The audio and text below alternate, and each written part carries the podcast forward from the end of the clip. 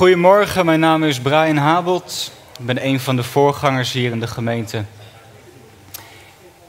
En we gaan samen Gods woord induiken. Ik heb de teksten meegenomen op het scherm, dus je kan meelezen. Maar die vraag, waar leef jij voor? Heb jij die vraag wel eens aan jezelf gesteld? Want we leven allemaal voor iets. Om erachter te komen waar je voor leeft, moet je kijken naar je hart, naar je motivatie, naar wat er van binnen leeft. Wellicht leef je om impact te maken, om je dromen na te streven. Wellicht leef je om gelukkig te worden. Wellicht leef je om geaccepteerd te worden of erbij te horen. Wellicht leef je om je zin te krijgen of om de liefde van je leven te vinden. Sommigen van jullie hebben die al gevonden. Wellicht leef je om te streven naar een bepaalde baan of om geld te verdienen. Waar leef jij voor?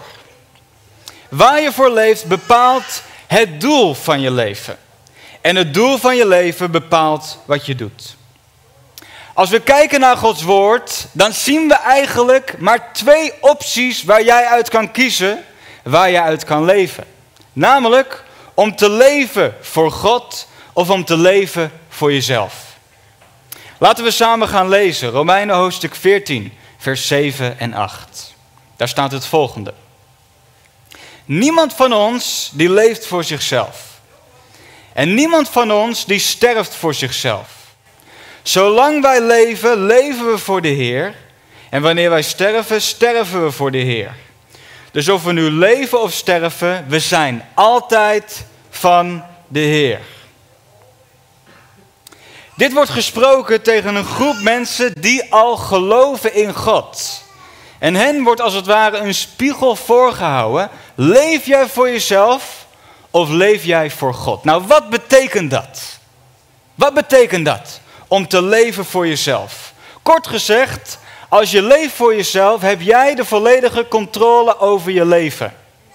Je doet wat je zelf graag wil doen. Je bepaalt je eigen toekomst. Je bepaalt je dromen, je plannen. En ja, je bepaalt ook wat jij vindt wat goed of wat fout is. Je leeft voor jezelf. Maar de Bijbel beschrijft ook een beeld met dat je kan leven voor God. Wat houdt dat in? Kort gezegd houdt het in dat je God de controle geeft over jouw leven. En daarmee laat je God bepalen over je toekomst. En laat je God bepalen over wat goed of wat fout is. En laat je God bepalen over hoe jij je leven leeft. Nou, controle is iets wat een beetje tricky is om over te praten. Want wij als mensen vinden het heel moeilijk om de controle van ons leven uit handen te geven. En wie van jullie is er al achter gekomen dat we niet over alle dingen in het leven controle kunnen hebben? Steek je hand eens op als je daar al achter bent gekomen. Ja, ik ook. Er zijn heel veel dingen waar ik geen controle over heb. Niet in de wereld, maar ook niet in mijn eigen leven. En ook al willen we wel de controle hebben over sommige dingen, het glipt ons soms door de vingers en we hebben er geen invloed op.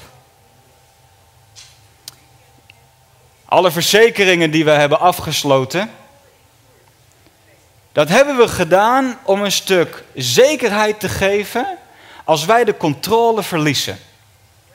We hebben een zorgverzekering, want als we ziek worden, iets wat we niet altijd in controle hebben, dan hebben we daar de ziekenhuizen die er voor ons zijn en alle kosten worden vergoed. Behalve je eigen risico. Helaas pindakaas. Wat nog meer? We hebben een inboedelverzekering. Als je spullen stuk gaan, je mobiel valt uit je hand of in het water, of je bril valt op de grond, of iemand trapt een bal door het raam, iets waar je wellicht onverwachts overkomt en geen controle over heeft, dan is daar een verzekering die alles kan vergoeden. We hebben een reisverzekering, want stel we gaan op reis en er gebeurt iets met onze auto en we zitten daar in een ander land, dan geeft deze reisverzekering ons een zekerheid dat die ons tegemoet komt en ons helpt. En ja, we hebben zelfs een levensverzekering. Ja, dat is niet een verzekering die je leven geeft, maar als er dan iemand overlijdt, dan zit jij in ieder geval goed. Want ook daar hebben we geen controle over. We sluiten deze verzekeringen af om een stuk zekerheid te geven als wij de controle verliezen. Nou, het tegenovergestelde van controle is overgeven of loslaten of uit handen geven. En ik moet je eerlijk zeggen, ik vind dat heel moeilijk om te doen. Jij ook? Loslaten en als het ware de controle aan iemand anders geven, is een van de meest moeilijke dingen om te doen. Wie heeft wel eens een video gezien, of misschien heb je het zelf al eens gedaan, van een trustfall? Sommigen wel, sommigen niet. Ik zal uitleggen hoe het gaat. Trouwens, dat is wel leuk om voor te doen. Wie wilt er vrijwilliger zijn voor een trustfall vanmorgen? Wie, wie, wie, wie, wie? Wie, wie, wie? Wie wilt? Kom Wessel, kom naar voren. Ren naar voren Wessel. Applaus voor onze enige echte Wessel. Oké, kom erbij. Oké. Dit is hoe de trustfall gaat. Jij mag hier komen te staan. En jij moet mij vertrouwen dat als jij gaat vallen, dat ik je ga opvangen. Nou, als je mij niet vertrouwt, dan ga je waarschijnlijk niet vallen. Want als je dan valt, dan kukel je in het water. En dan ben jij de eerste dopeling van morgen. Vertrouw je mij? Jij vertrouwt mij? Oké, dan mag je vallen. Je twijfelt, man. Je twijfelt. Wat zeg je? Kijk, hier leek het of niemand staat. Ja, daar leek het of niemand staat. Maar ik vroeg alleen of je mij kon vertrouwen. Dan gaan we nog iets moeilijker maken. Je mag je ogen dicht doen. Terwijl je valt. Is dat een goed idee? Oké. Als jij er klaar voor bent, mag je vallen. Nou, ja, ja. Zien jullie wat ik zie? Hij vertrouwt me niet volledig. Ja, En dat is moeilijk, hè? ja. Ja, ik vind het ook moeilijk. Zullen we het omdraaien dat jij mij op gaat vangen? Ja. Oh, dat vind je een goed idee? Oké, we gaan het nog één keer doen met jou, oké? Oké. Oké, als je er klaar voor bent, mag je vallen. Drie, twee, één. Ja, oké, goed zo. Applaus. Dankjewel. Ja, zo zie je maar hoe moeilijk het is om echt de controle van je leven uit handen te geven in de handen van iemand anders.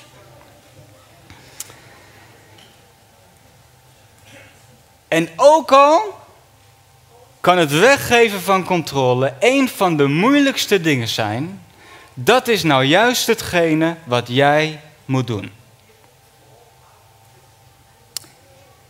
God de controle geven in je leven is de manier zoals je leven is bedoeld. Met alle verzekeringen die we hebben, zeggen we daarmee instanties te vertrouwen als wij de controle verliezen. En dat mag en dat is prima. Maar vertrouw jij ook op God? In het tekstgedeelte wat we net lazen, daar zagen wij een statement staan en daar stond: Wij zijn van de Heer. Wij zijn van de Heer. In de basis is dat wat het betekent om te leven voor God in plaats van voor jezelf. Want als je voor jezelf leeft, dan zie je jouw leven als dat het van jou is. Maar als je voor God leeft, dan zie je je leven als dat je voor God bent. En weet je, God die heeft jou gemaakt. Hij is jouw maker. Hij is degene die de wereld heeft gemaakt. En als we kijken in de Bijbel, dan zien we in het begin dat God alles had gemaakt en dat God hier op aarde was en dat hij was bij de mens. En zoals wij worden, zoals er van ons wordt gevraagd om met God te leven, was God hier op aarde en leefde hij onder de mensen. En ik kan je zeggen, als we daar naar kijken, dat was het perfecte plaatje. Het was prachtig en mooi. Er was liefde, connectie en relatie. Want God is geen afstandelijke God. Hij verlangt ernaar om zo dicht en hecht met jou verbonden te zijn. Want hij houdt van jou. Maar kan jij zeggen dat jij van de Heer bent? Kan jij zeggen dat jij van de Heer bent? Het is hoe hij het heeft bedoeld dat je van Hem bent, dat God je vader is, dat jij zijn kind bent en dat je deel bent van zijn familie. Nou, dit prachtige beeld om samen met God te leven is kapot gegaan doordat wij als mensen ervoor kozen om niet voor God te leven, maar om Hem de rug toe te keren en om voor onszelf te leven. En in de Bijbel noemen wij dat ook wel zonde. Ongehoorzaam zijn aan God en eigenlijk tegen God zeggen: God, ik bepaal zelf wat ik wil doen, want ik weet het beter dan u die alles heeft gemaakt en alles weet. Nou, als jij dat als kind tegen je ouders zegt, wat zeggen ze dan tegen jou? Jij bent ongehoorzaam. En dat is wat God ook tegen ons als mensen heeft gezegd. Jij bent ongehoorzaam. En vanwege die ongehoorzaamheid ontstaat er scheiding. Er ontstaat ruimte tussen God en jou die God nooit zo bedoeld heeft, want hij verlangt ernaar om met jou verbonden te zijn. Maar weet je, God is zo goed dat hij een oplossing heeft bedacht. Een oplossing door zijn zoon Jezus, die is gekomen. En ik wil verder met je lezen in het gedeelte waar we net begonnen, in Romeinen hoofdstuk 14. Daar staat namelijk in vers 9 het volgende. Want Christus is gestorven en weer tot leven gekomen om te heersen over de doden en de levenden. En wij zullen alle voor Gods rechterstoel komen te staan. Want er staat geschreven, zo waar ik leef, zegt de Heer, zal voor mij elke knie zich buigen en elke tong zal God loven. Vers 12, ieder van ons zal zich dus tegenover God moeten verantwoorden. Jezus die is gekomen naar deze aarde om te sterven. En dat deed hij omdat alles wat wij gedaan hebben verdient een straf. En die straf die leidt tot de dood. Maar God is zo goed dat Hij een oplossing wilde maken voor jou om niet gescheiden te zijn van God, maar om verbonden te zijn met God.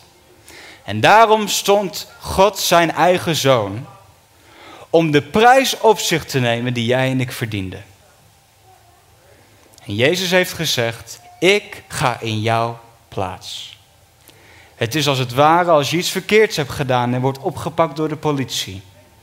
En dat je de cel in moet. Maar dan komt er iemand aan en die zegt: Ik ga voor jou plaats de cel in. Nou, dat is heel oneerlijk, want die andere persoon heeft helemaal niks verkeerds gedaan.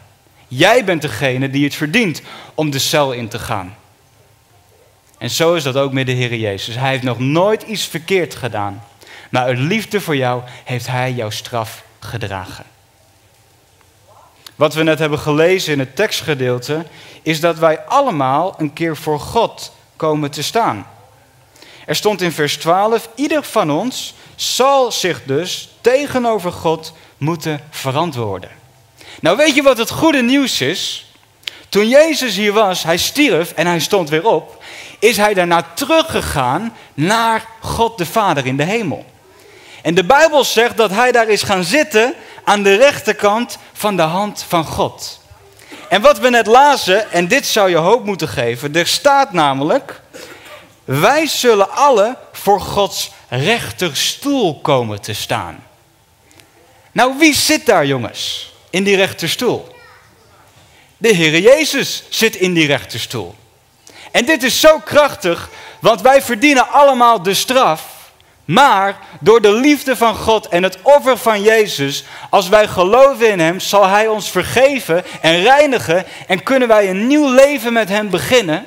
En als we dan voor Gods rechterstoel komen te staan en God die gaat iets vragen aan jou, hij gaat namelijk vragen: heb jij op deze aarde geleefd voor jezelf of heb je voor mij geleefd?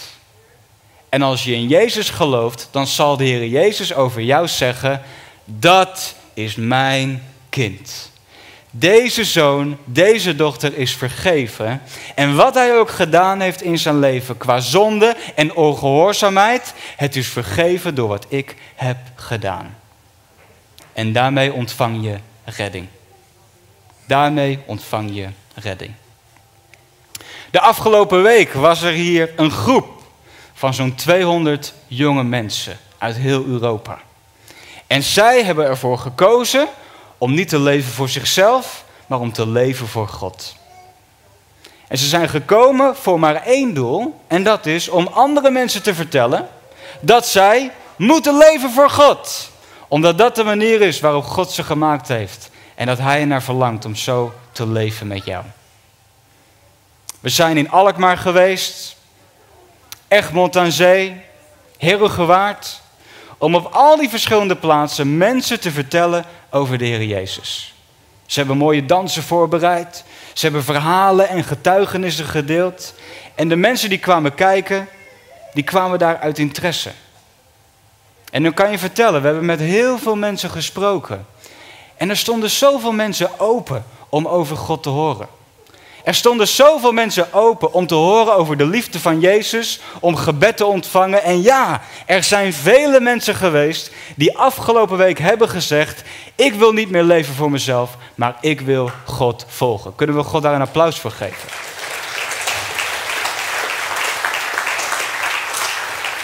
Ook hebben we voor vele mensen mogen bidden. En we hebben getuigenissen gehoord dat mensen die depressies hadden, dat die weggingen in Jezus' naam. Dat mensen die pijn hadden in hun lichaam, dat het wegging in Jezus' naam. Er was één skateboarder, die had zijn enkel bezeerd door het skateboarden. En we mochten bidden voor zijn enkel. En de pijn die ging weg in Jezus' naam. Nou, God kan veel meer doen dan alleen genezen. Maar het genezen was op dat moment een teken voor die persoon. Dat Jezus leeft en dat hij ernaar verlangt om te werken in jouw leven. Heel veel mensen staan open voor Jezus. Want mensen zijn op zoek naar de waarheid. En Jezus die zei, ik ben de waarheid. Ik ben de waarheid. De gedachte dat we leven voor God en daarmee de controle van ons leven aan Hem overgeven, dat kan je misschien een gevoel geven van benauwing.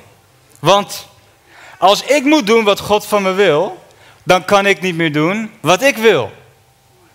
En als God mijn toekomst gaat bepalen, dan kan ik zelf niet meer mijn toekomst bepalen. En als God voor mij bepaalt wat goed of fout is, dan kan ik dat zelf niet meer doen. Beste vriend, beste vriendin, God wilt jouw vrijheid niet beperken. God die wilt jouw vrijheid geven. Het geeft alleen een gevoel van benauwing en beperking als je niet gelooft dat een leven met God echt beter voor je is.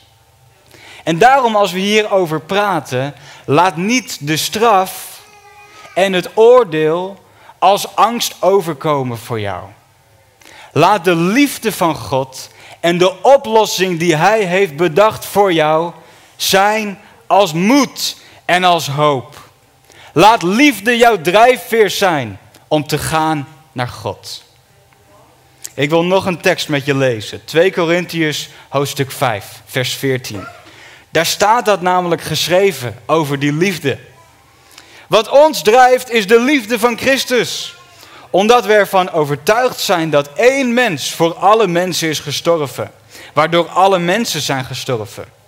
En dat hij voor alle is gestorven, opdat de levenden niet langer voor zichzelf zouden leven, maar voor hem die voor de levende is gestorven en is opgewekt. Is dat geen goed nieuws vanmorgen? Laat de liefde van Jezus jouw drijfveer zijn om bij hem te komen. Want als je één ding mag onthouden van vermogen, dan is het dit. God die houdt van jou. God houdt van jou. God houdt van jou. In vers 17 staat het volgende. Een tekst die u waarschijnlijk wel kent. Daar staat daarom ook, is iemand die één met Christus is, een nieuwe schepping. Het oude is voorbij en het nieuwe is gekomen. Dit is wat er gebeurt als je leeft voor God. Je krijgt een heel nieuw leven. Het oude is voorbij en het nieuwe is gekomen. En dat is wat deze dopelingen vandaag gaan laten zien aan jullie.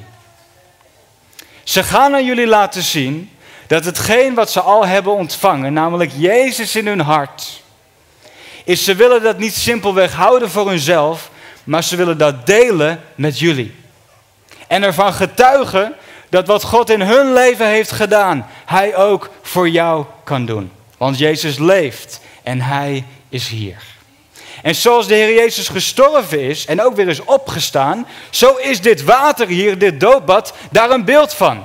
Het is als het ware een graf waarin we straks de personen in gaan onderbrengen en ook weer naar boven gaan brengen als een teken van wat Jezus ook heeft gedaan. Namelijk gestorven, al het oude achtergelaten en weer nieuw met hem is opgestaan. En zo staat het ook in Romeinen 6, vers 4.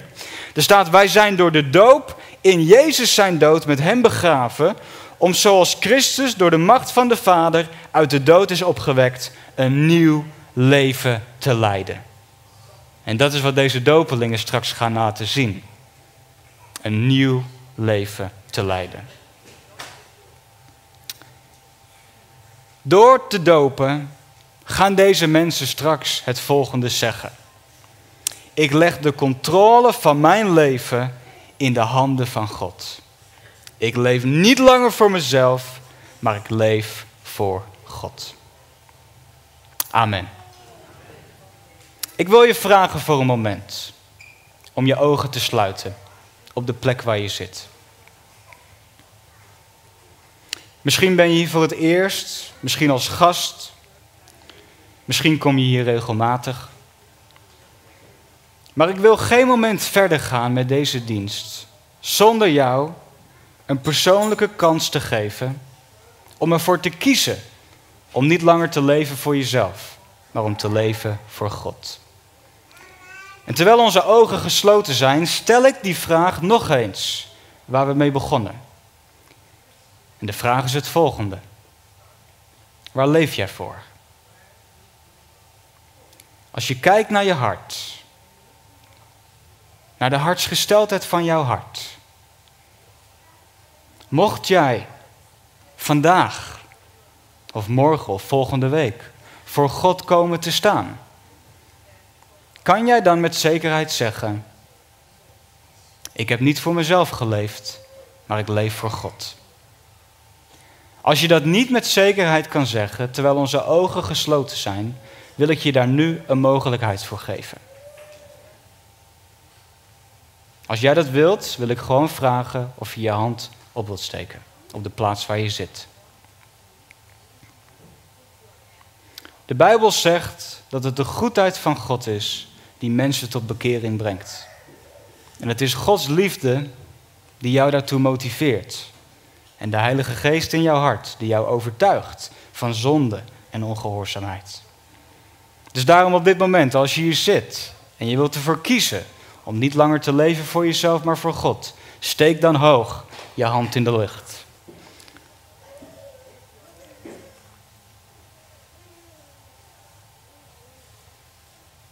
Ik geloof dat er nog een paar meer zijn.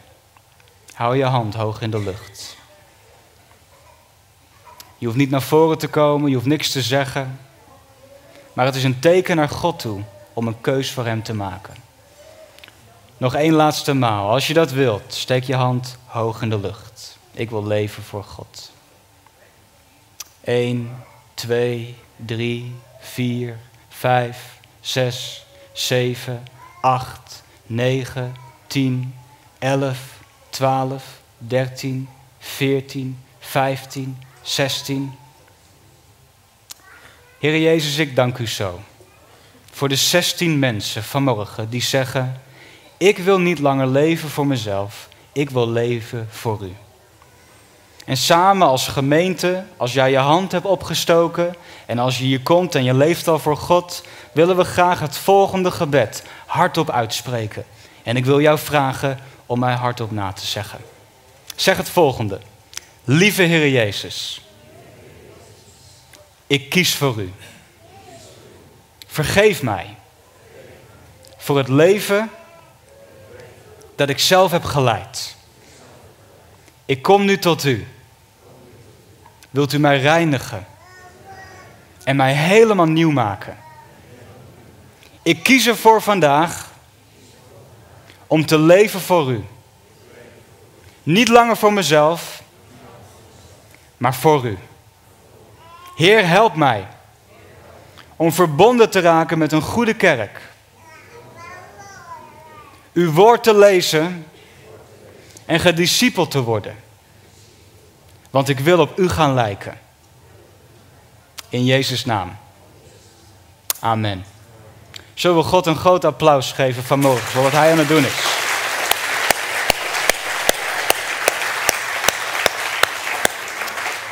Volgens de Bijbel is er feest in de hemel. En ik wil je uitdagen als jij je hand hebt opgestoken om na de dienst hier naar voren te komen. Er zullen mensen zijn die graag met je willen praten en met je willen bidden. Als je geen Bijbel hebt, willen we je graag een Bijbel geven. En we willen je helpen om je verder op weg te helpen in deze mooie geloofstap. Amen? Amen. Ik wil Pascal en Emiel naar voren vragen als we overgaan naar het dopen.